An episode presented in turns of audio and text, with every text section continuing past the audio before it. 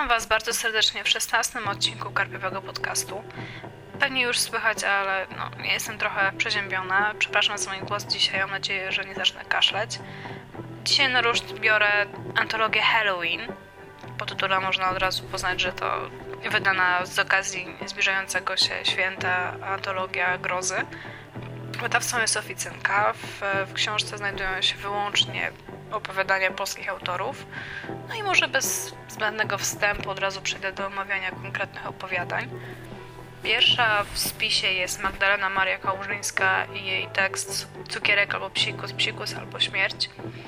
No i w zasadzie mogłabym Wam teraz przeczytać fragmenty recenzji jej debiutanckiej powieści Emar, bo większość uwag do opowiadania Kałużyńskiej zwyczajnie się powtarza. Po pierwsze, miałkie dialogi, które są na siłę radosne i dowcipne, a do tego brak w nich wyraźnych różnic między bohaterami.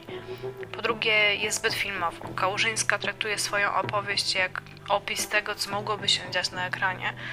Mam wrażenie, że w czasie pisania tego tekstu, tak samo jak przy pisaniu powieści, miała w głowie pełne obrazy i, i nie starała się w ogóle tego przełożyć na język bardziej literacki niż tylko po prostu wyrazy. E, nie, nie obrazowała tego, jak pisarz literat mógłby obrazować. Może to brzmi jak bardzo mocno subiektywna ocena i podejrzewam, że większość czytelników w ogóle nie zwraca na to uwagi albo no, nie przyszło im to w ogóle do głowy.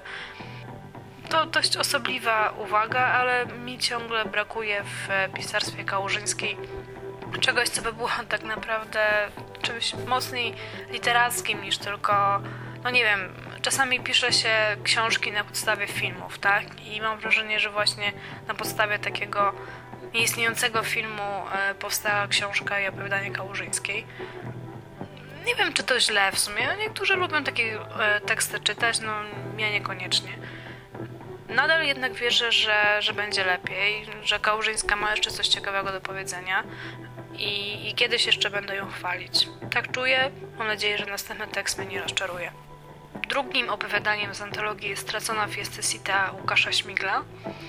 No, muszę przyznać, że nazwisko Śmigla powoli staje się dla mnie synonimem dobrej jakości. Widać w tym tekście masę researchu. Językowo jest bardzo barwnie. Rzetelną pracę pisarską no, no, no widać na każdym kroku, w każdym zdaniu. Bar Łukasz bardzo się rozwinął od czasu swojego debiutu. Dużo poszukuje i odnoszę wrażenie, że chyba już sobie upatrzył taki typ opowieści, w której się realizuje. Tekst jest bardziej przygodowy niż horrorowy, ale ciekawie wybija się na tle pozostałych opowiadań w antologii. No i moim zdaniem jest na naprawdę światowym poziomie. Wydaje mi się, że mógłby spokojnie konkurować z zagranicznymi opowiadaniami.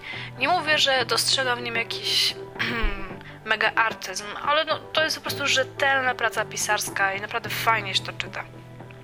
Trzecim tekstem jest Cukierek albo Psikus Piotra Rowickiego. No niestety, tutaj już nie będzie tak fajnie. E, tekst Rowickiego to no, jedna wielka taka nieudana stylizacja i chybiony surrealizm. Miało być chyba ambitnie, ale zakończenie jest tak nieporadne i tak wali po oczach ama amatorszczyzną, że no, nie da się po nim poważnie podejść do tego opowiadania.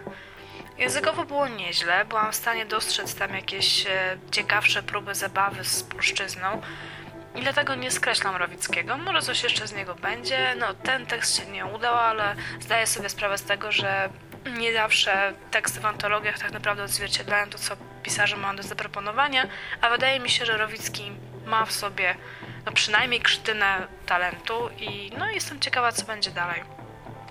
Zmarli nie opowiadają bajek Bartosza Czartoryskiego. To tekst, który kompozycyjnie jest bratem bliźniakiem Upiornej Nocy Halloween, czyli filmu będącego takim zbiorem krótkich opowieści dziejących się w, właśnie w noc Halloween. Um, no i to jest tekst, który, który bardzo mnie zaskoczył, e, bo czytałam wcześniej tekst, czy nawet dwa teksty, e, może i więcej, e, z, z antologii Bizarro dla początkujących. No i niestety tam, lekko mówiąc, nie zachwyciło mnie, e, nie zachwyciło mnie pisarstwo Bartka. A tutaj udało mu się nie tylko bardzo ładnie to wszystko opakować w bajdurzenie staruszka, ale też postarał się, by każdy epizod w jakiś sposób odróżniał się od pozostałych.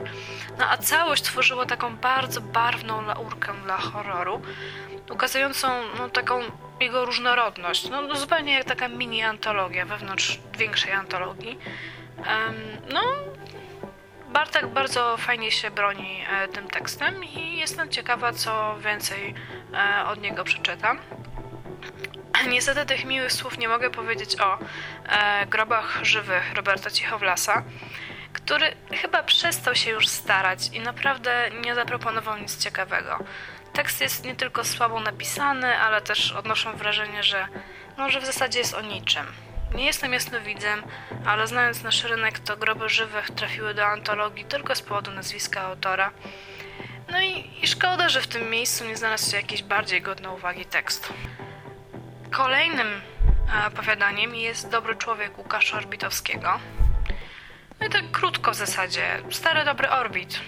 Mocniejszy niż zwykle akcent na horror, piękna stylistyka, bardzo intrygujące obrazowanie, no niebanalnie ujęty wątek pedofilii. E, można by dywagować w zasadzie na temat relacji tego tekstu z polityczną poprawnością.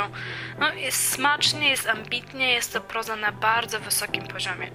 Orbitowski w najlepszej postaci. E, nie wiem czemu, ale nie umiem jakoś złożyć z tego w dłuższe zdania. Uwielbiam Orbita za takie właśnie teksty horrorowe, ale takie niebanalne, takie, które gdzieś tam gniotą człowieka długo po przeczytaniu.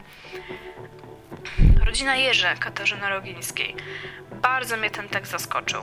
Ciekawe studium szaleństwa, pewnego równie głupiego, co upartego naziola.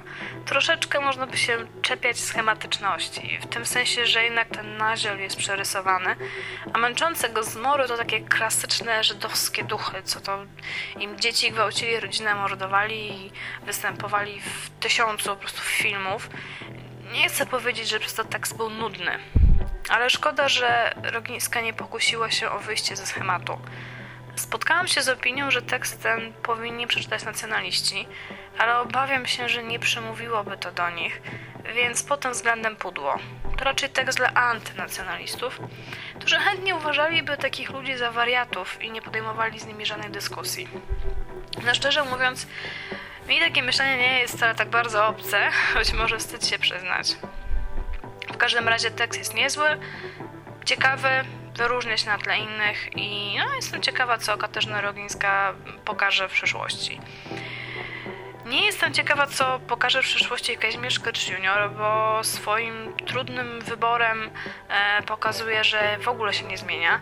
Jest taki jak zawsze, niczym nie zaskakuje, nawet na krok nie opuszcza schematu, w którym wciąż się obraca. No nie mam nic ciekawego do powiedzenia o tym tekście. No, nie polecam, wlatuje i wylatuje z głowy i to w zasadzie wszystko. A ten tytułowy trudny wybór jest tak oklepany, że nie ma sensu się w ogóle na ten temat rozwodzić. Druidzi z Bełchatowa Krzysztofa Maciejewskiego. No zaciekawili mnie, choć mam bardzo mieszane odczucia do, co do tego tekstu. Był niejednoznaczny, ale w takim złym tego słowa znaczeniu. Opowiadanie jako krótka forma najlepiej sprawdza się, gdy ma konkretny cel, jakąś myśl przewodnią, motyw chociaż. Nawet Bartek, mimo tak poszatkowanej narracji, zdołał to osiągnąć, a u Maciejewskiego mamy tekst o tym i o tamtym i siamtym, do tego całość oparta jest na bardzo znanym schemacie i i w dużej mierze to zakończenie psuje mocno odbiór, sprawiając, że opowiadanie robi się takie miałkie i bez puenty w zasadzie. No choć teoretycznie jakieś próby spuentowania były. No, ciężko powiedzieć coś ciekawego o tym tekście, bo, bo, bo właśnie, bo nie do końca zrozumiałam, jaka była intencja autora, a ja lubię wiedzieć, co konkretnie chciał mi przekazać i ocenić dopiero wtedy, czy, czy rzeczywiście mu się to udało. Każdym razie coś w tym Maciejskim chyba drzemie, bo bardzo podobał mi się styl, bo miałam, odniosłam wrażenie, że Maciejewski kontroluje to, co pisze i że, że bawi się tym językiem, a no może to trochę smutne, że ciągle oceniamy, że czy, czy nasi pisarze potrafią pisać tak naprawdę w momencie, kiedy to fabuła i to, co chcą przekazać powinno być najważniejsze, ale no jednak, no takie są realia, a moim zdaniem Maciejewski e, chyba potrafi pisać, tak. E, no więc może skuszę się na jego zbiór opowiadań, zdaje się, że on go gdzieś na półce. Z kolei książę kłamców Dawida Kaina, no, no chętnie bym sobie go zostawiła na koniec.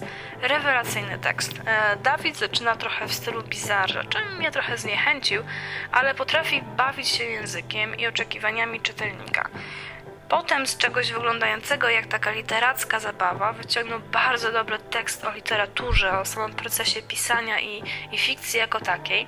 W pewnym sensie powtarza to, co robił już w powieści, ale, ale ja nie uważam tego wcale za błąd, bo on to próbuje ugryźć z różnych stron i, i to jest w sumie bardzo ciekawe.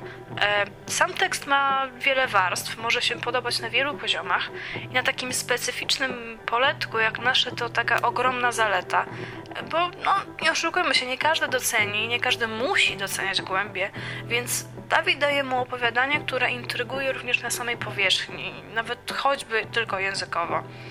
Nadal troszkę uwiera mnie ten postmodernizm w pisarstwie Dawida. Reagują na postmodernizm odrobinę alergicznie.